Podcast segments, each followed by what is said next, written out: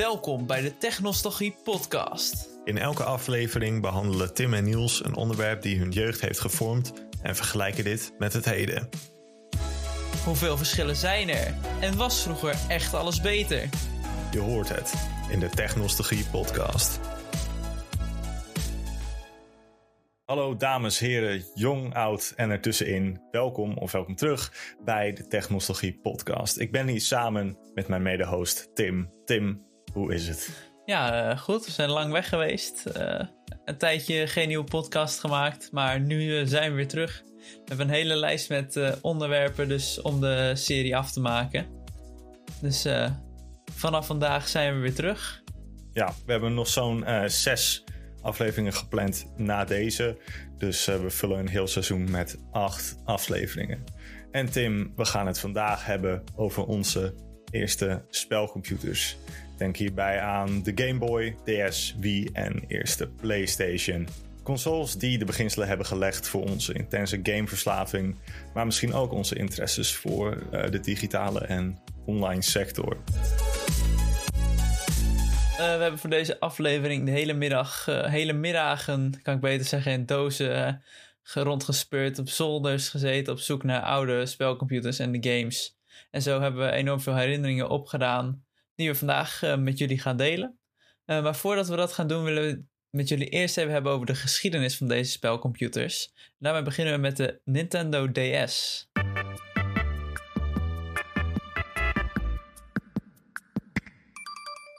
Ja, de Nintendo DS is uitgekomen in 2004, Tim. Uh, twee jaar nadat ik ben geboren en drie jaar nadat jij bent geboren. De DS, wat staat voor Dual Screen of uh, Developer System. Wat ik nog niet wist voor deze podcast, was een revolutionaire stap in de handheld console lijn. Dit kwam door de twee uh, schermen die samenwerkten op de console, waarvan één zelfs touchscreen had. Eigenlijk was de DS bedoeld als uh, derde pilaar in uh, Nintendo's zijn console-reeks. Met de Game Boy, GameCube, die toen ook razend populair waren.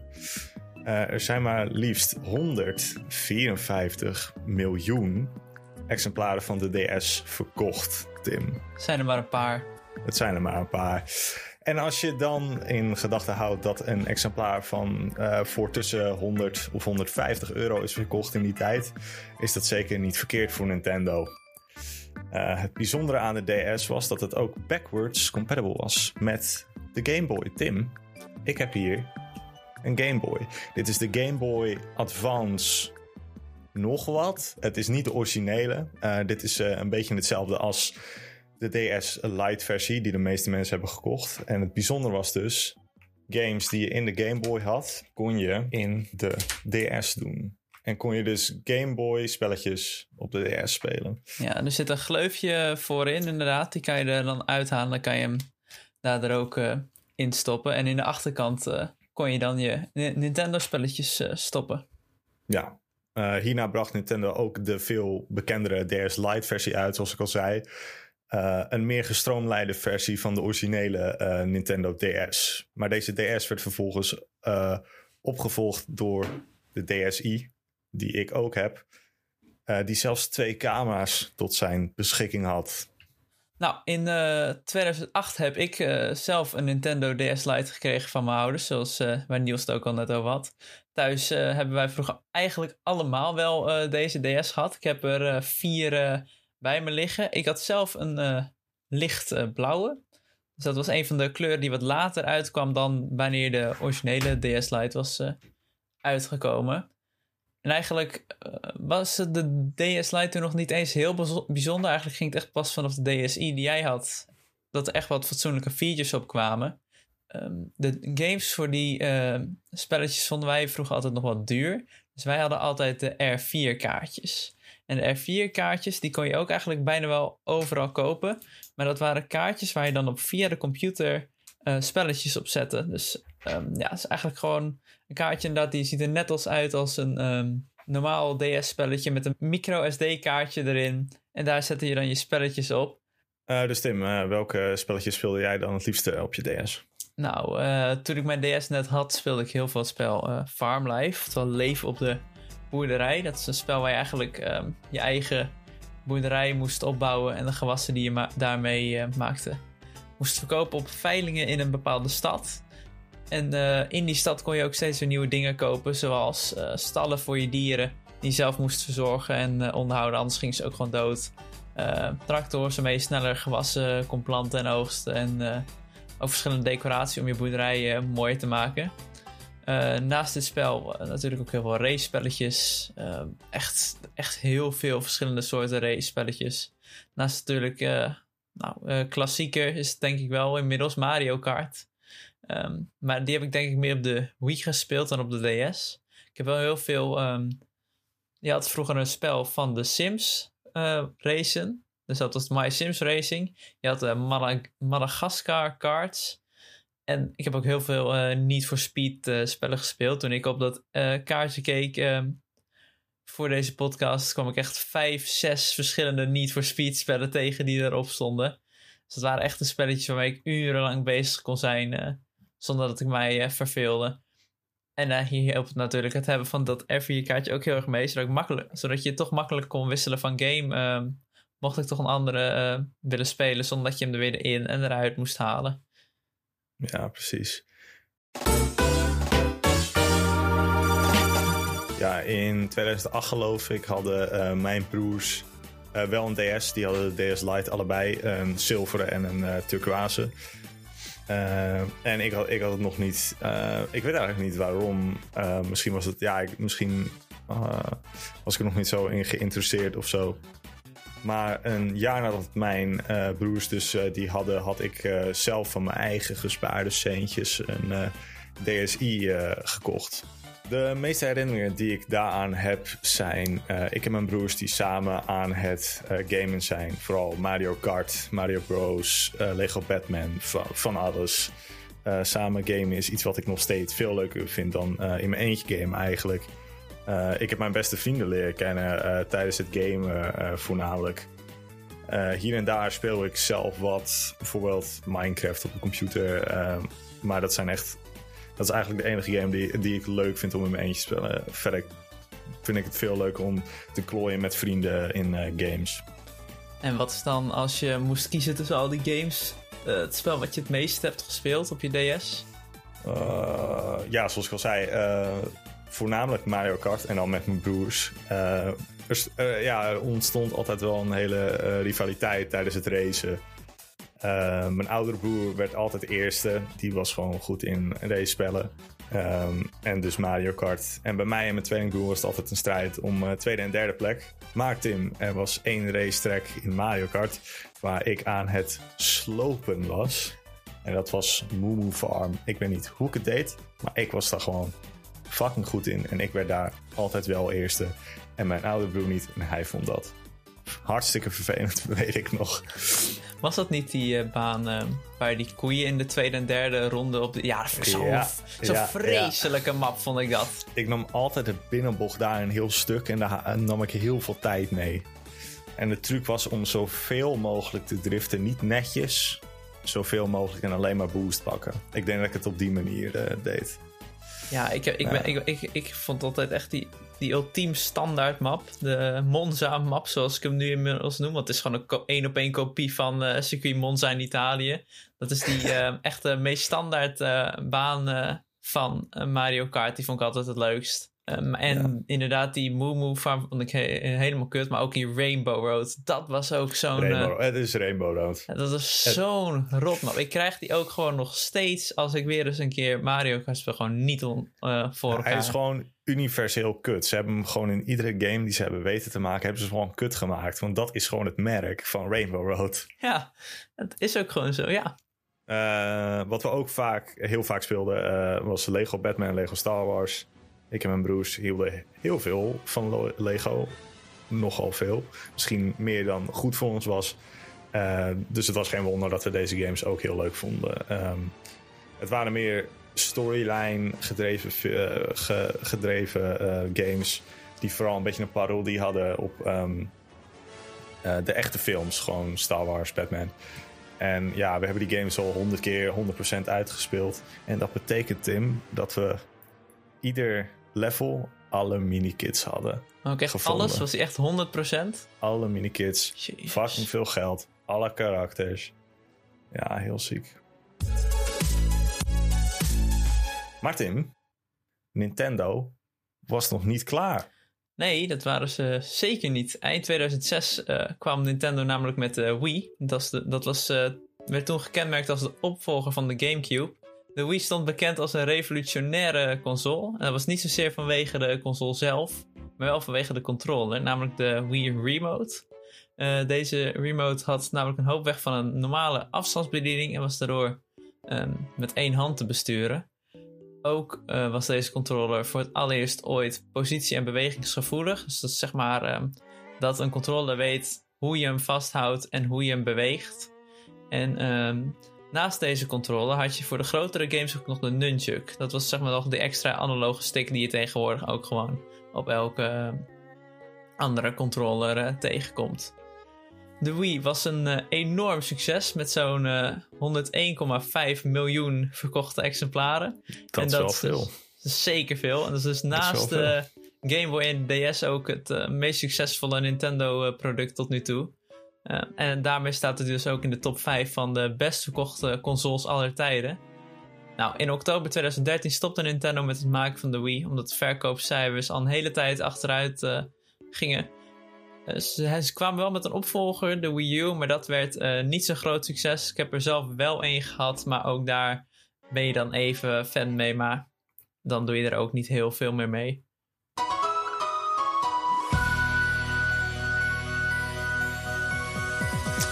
Ja, Tim, de Wii. Ja, eh, ik en mijn broers kregen het, aan het einde van 2009 in oktober, eh, geloof ik, eh, de Wii. Bij de Wii hadden we het welbekende spel Wii Sports. Wat zo mooi was aan de Wii is dat het vooral na het samenspelen trok, wat ik dus heel, heel tof vond. Ehm, het was competitief, maar op een leuke en vriendelijke manier. Wii, de Wii is altijd heel erg family-friendly geweest. Voor mij, eh, je kon er ook Call of Duty van halen, maar dat mocht denk ik niet van mijn ouders. Ehm, nadat we Wii Sports helemaal eh, plat hadden gespeeld, kregen we eh, er allemaal, allemaal andere spellen bij. Zoals de beste Mario Kart, naar mijn mening, ooit gemaakt. Mario Kart Wii, wat een prachtspel. Ja, eens, 100%. Ik heb Mario Kart ook op de Wii gehad en dat echt samen met mijn broertje helemaal eh, dood gespeeld. Eh, volgens mij bijna, er is volgens mij een account waar eh, alle trofeeën die je op Mario Kart kan halen wel hebben gehaald. Zo, eh, zoveel hebben we gespeeld. We hadden ook altijd eh, stuur waar je Wii-controller in kon stoppen. Dan had je, ja, voelde het voor ons alsof je iets realistischer kon racen.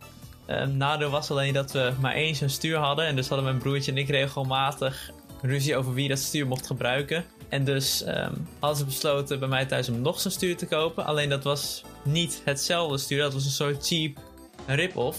Dus eigenlijk wilden we alsnog allebei het goede stuur hebben. En was die ruzie dus alsnog niet opgelost. Zover ik weet hebben wij ook twee van die stuurtjes thuis. En dan komen van die andere accessoires voor, ehm, voor je Wii-controller. Eh, golfstick, eh baseball dingen, allemaal rubberen troep. Dat we op een gegeven moment echt helemaal naar de tering ging. Omdat we eh, nogal fanatiek bezig waren. Maar Tim, ik moet je iets vertellen met Mario Kart. Ik wilde nooit het stuur. Ik wilde gewoon de controller, want ik reed altijd met Toad op een motor. Dat was mijn ding. Ja, Toad is mijn favoriete karakter in Mario Kart. Wie was eh, jouw favoriete karakter, eh, Tim? Uh, nou, ik, heb, ik ben niet echt iemand die een hele lange tijd vast karakter heeft gehad. Als ik dan een vast karakter had, was dat meestal um, Diddy Kong. Dat was het neefje en die sidekick van Donkey Kong. Ik weet niet waarom, maar dat was gewoon eentje die me altijd wel aantrok. En telkens als ik weer een karakter moest kiezen, kwam ik daar weer bij terecht. Maar ik heb ook wel de standaard Baby Mario, Luigi tijdperken. Inderdaad, Toad wat je zegt. Eigenlijk heb ik heel veel um, karakters wel uh, gebruikt. Wat ik ook tof vond, um, is dat je je, je Wii-karakters, uh, je eigen gemaakte Wii-karakters, uh, kon gebruiken in Mario Kart. Ja, ja nou, dat, dat, die mensen kan ik dus echt niet uh, uitstaan die dat gebruiken. ik, ja, je hebt zoveel toffe karakters die je kan unlocken. Je hebt echt de wereld aan die uh, karakters. Dan kies je voor een mislukt poppetje dat je zelf uh, moet voorstellen. Ik begrijp dat soort mensen niet die dat... Nou, bedankt Tim. Ik speelde als mezelf, dus jij vindt mij mislukt. Dankjewel. Tja, andere toffe games op de Wii. Um, Lego DC Superheroes vond ik ook heel vet. Het voelde een beetje uh, toen de tijd als uh, nieuwe GTA. Uh, nieuwe GTA, oude GTA. open wereld. Rare auto's allemaal. Verschillende karakters. dat was echt fucking leuk. Ik, ik ging altijd met mijn broers hide and seek spelen in, um, in die auto's, in die open wereld. Het, het enige jammer was dat het een twee-player game was. Helaas niet drie. Ja, wij speelden altijd... Um uh, nieuw Super Mario Bros. Ik was niet echt van de Lego-spellen op de Wii, DS, uh, whatever. Maar vooral, vooral op de Nintendo-spellen Mario. Gewoon alles van Mario wat je kon hebben. Dus nieuw Super Mario Bros. Uh, nieuw Super Mario Galaxy. Um, dat speelde ik heel veel alleen en met mijn broertje. En dan um, ook heel veel kloten was het in die spellen. Vooral in Super Mario uh, Bros. Dat dan één iemand doodging en dat hij gewoon... Dan span je altijd weer terug in zo'n ballon. En dan moet degene die nog in de game zit... Moet dan die ballon uh, kapot maken. Maar jij gaat er dan voor zorgen dat hij niet kapot gaat. Dus je blijft gewoon een beetje kutten in die ballon. Dat Dit was weet ik zo ook nog, ja. Dit deden wij ook wel eens, ja. Oh man. Ja, ik had ook Mario Bros, Super Mario Galaxy. Um, ik vond de story vooral altijd heel ziek in uh, die werelden en de gameplay uh, vooral ervan. Super Mario Galaxy was ook zo'n uh, game die er gewoon geweldig uitzag. Met ja, een, gewoon een prachtig verhaal en super mooie werelden. Ja, inderdaad, voor die tijd zeker waren de Mario-spellen waren wel echt echt heel goed uh, qua graphics. Ik denk dat dat ook voor een groot deel um, natuurlijk zo is waarom de Wii en gewoon in het algemeen Nintendo um, populair werd. Gewoon puur omdat ze die Mario um, franchise gewoon zo stevig hadden en nog steeds hebben. Dat je dat eigenlijk alleen maar bij Nintendo kan hebben. En als ze dan ook nog gewoon ervoor zorgen dat de graphics op die apparaten zo goed zijn. Ja, eh, zeg maar, voor ons was het al helemaal geen grote stap. Want ik had na een jaartje nadat wij alle drie onze DS hadden, of datzelfde jaar nog hadden wij ook een Wii. Maar er zat zo'n drie jaar tussen, tussen de release van de DS en de, uh, en de Wii. Zo'n enorm verschil qua, qua graphics, qua gameplay, qua ideeën. Dat was gewoon heel erg, heel gaaf.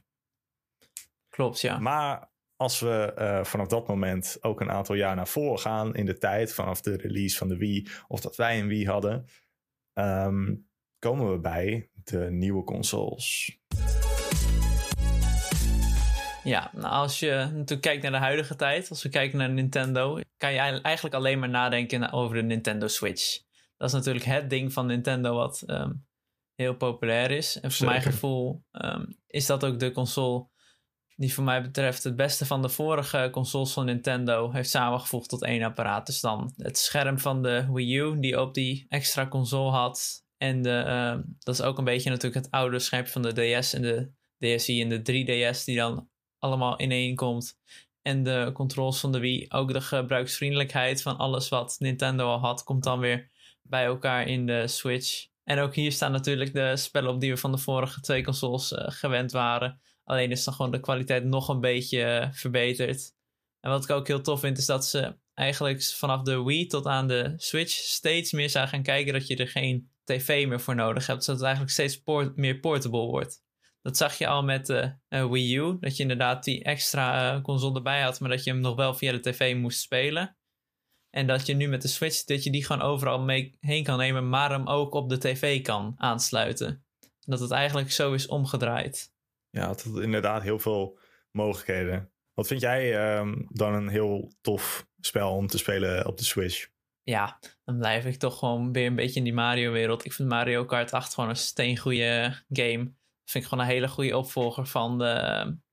Uh, vooral van Mario Kart op de Wii. Mario Kart 7 was volgens mij wat minder uit mijn hoofd. Maar ja, Mario Kart 8 is gewoon een hele goede opvolger met nieuwe features. Maar toch met dezelfde kern. En als je van de Wii naar de Switch gaat en dan Mario Kart 8 koopt, dan herken je alles wel gewoon terug. Ja, ik heb ook wel een keertje bij een vriend Mario Kart 8 gedaan, ja. Uh, ik had persoonlijk geen Switch, want ik was daar niet echt in geïnteresseerd. Als hij misschien eerder was gereleased, misschien een paar jaar eerder, um, dan had ik hem misschien wel. Maar tegen die tijd had ik al een PlayStation 4, Tim. Uh, de PlayStation 4 kwam uit in 2013 en was de opvolger van de PlayStation 3. Uh, en competitor van de Xbox One van Microsoft. Uh, dit waren de eerste next-gen consoles, wat gewoon betekent de volgende generatie uh, wat betreft games. Sony, de maak van de PlayStation, heeft tot dit moment wel 115 miljoen PlayStation 4's verkocht. En Microsoft heeft, Tim, zeg het maar. Ja, maar uh, ja, in principe niet heel veel minder. 51 uh, miljoen.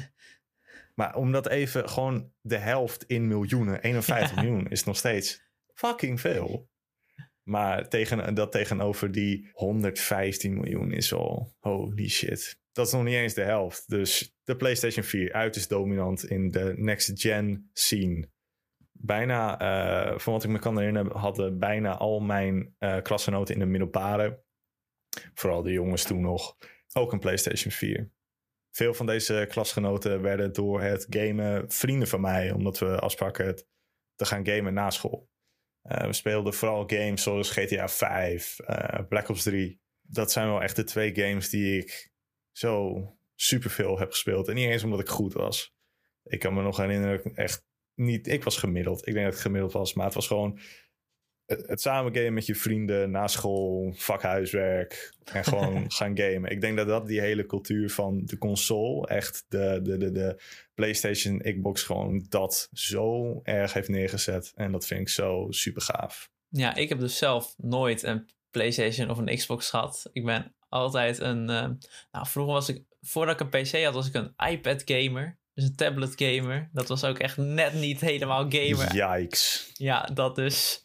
Um, maar ja, wij hebben dus nooit een PlayStation of Xbox gehad. Uh, maar dus wel al vrij snel echt dat ik veel op PC ging gamen met vrienden. Komt ook een aflevering over, over uh, eerste computer. Dus luister die vooral ook als die uitkomt. Um, maar ook al lijkt de, de verkoop van de Xbox uh, misschien weinig als je vergelijkt met de PlayStation, is alsnog gewoon heel erg veel. En natuurlijk weten we nu allemaal over de echt nieuwe consoles, dus de PS5 en de Xbox Series X.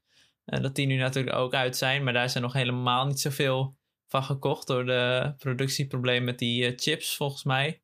Dus ik denk dat als dat eenmaal gaat lopen, dat die best wel goed de PlayStation 4 weer in kunnen halen. Daar moet echt wel genoeg van kunnen worden verkocht. Dus ik ben heel benieuwd hoe het ook met die consoles gaat uh, lopen in de komende ja. jaren. Ik zag dat er al zo'n bijna 9 miljoen exemplaren van de PlayStation 5 zijn verkocht. En daarvan de, ook weer de helft uh, aan Microsoft zijn kant, aan de competitor van de PlayStation 5, de Xbox Series X, als ik het goed heb. Ja, uh, ja, en in de aflevering van de PC Gaming gaan we het nog meer hebben over waarom de markt van consoles en PC's op zijn kop ligt. Maar ik ga nu graag door naar de conclusie, Tim. Wanneer was het beter voor speelcomputers? Vroeger of nu? Nou, als je gaat kijken naar de technologie ervan is het heel makkelijk nu. Want gewoon alles is beter met wat het nu was. Maar aangezien ik niet echt heel veel moderne consoles heb meegemaakt en bij mij dan toch de nostalgische factor zwaarder weegt dan wat uh, de apparaten kunnen. Ik bedoel, we hebben zoveel plezier gehad al met um, alles uitzoeken en alles um, eigenlijk weer herinneringen ophalen dat ik heel erg neig naar dat het vroeger voor mij beter was qua spelconsoles. Dus de oude DS en de uh, Game Boy en de Wii. Dat dat gewoon echt toptijden waren. En hoe zit jij daarin? Wat vind jij ik, beter? Ik vind het heel lastig. Ik denk dat dit zo'n uh, ding is dat het zeg maar we gaan door een hele tijd heen van verbeteringen, uh, technologische vooruitgang. En dus vroeger van, weet ik veel, de, de Game Boy generatie, de Gamecube, de Gamecube uh, generatie. Daar hoorden wij, uh, wij toen al niet bij. Toen waren wij net iets te laat geboren. Wij zijn er gewoon heel erg in meegegroeid. En zeg maar, het ging heel geleidelijk toen wij jong waren. Wie was voor best wel jonge kinderen? Ik had het over Call of Duty, maar er werden veel meer dingen verkocht zoals uh, Wii Sports Resort tegenover een Call of Duty bijvoorbeeld. Daar, dat platform was meer op de PlayStation gericht, denk ik. PlayStation en Xbox. En ik kwam, had op een gegeven moment dus een PlayStation 4. Dus ik denk dat het gewoon geen van uh, beide beter is dan de ander. Maar ik denk dat wij een beetje in de perfecte uh, tijd zijn geboren qua het meegroeien ervan. En dus de uh, economische status een beetje ervan. Heel veel consoles zijn nu gewoon hartstikke duur. Ja, en wat het betere graphics moet hebben, 4K, 8K wordt er allemaal mee gesmeten. heeft het dus ook, weet ik veel, betere grafische kaarten nodig, betere processors. En dat heeft gewoon een veel grotere impact op uh, bijvoorbeeld het milieu. Er is nu een uh, chiptekort, daar gaan we het nog over hebben. Een andere aflevering, zoals we al hebben gezegd. Dus op die manier vind ik het wel uh, lastiger. En ik ben natuurlijk heel hypocriet aan het doen. Ik heb gewoon een computer hier naast me staan waar ik heel blij mee ben. Um, maar qua kosten gezien was het vroeger beter. En nu wel lastiger om een echte gamer te zijn. En als je denkt dat je een gamer bent omdat je een telefoon hebt of een iPad, dan ben je geen gamer. nee, ja, ik uh, kan er alleen maar uh, mee eens zijn eigenlijk wat je zegt. Maar wij zijn ook heel benieuwd wat jullie daarvan vinden. Vonden jullie de spelcomputers van vroeger of van nu juist beter? En waar heb jij herinnering aan? Deel ze vooral met ons. Dat kan natuurlijk via de YouTube uh, comments, maar dat kan ook via onze Instagram pagina. Alle linkjes die staan wel ergens in de beschrijving. En het is ook heel makkelijk gewoon op social media te vinden volgende aflevering gaat over de eerste telefoon en de opkomst uh, van de social media. En we willen ook aan het begin van de uh, aflevering dus gaan bespreken wat jullie van uh, deze aflevering vonden. check ons ook op TikTok. misschien luister je dit al op Spotify. Check onze YouTube en andersom. En dan zien we jou heel graag bij de volgende. Dag. Dag. Hoi hoi. Wil je meer zien van de Technologie podcast? Volg ons op Instagram, TikTok, YouTube en Spotify.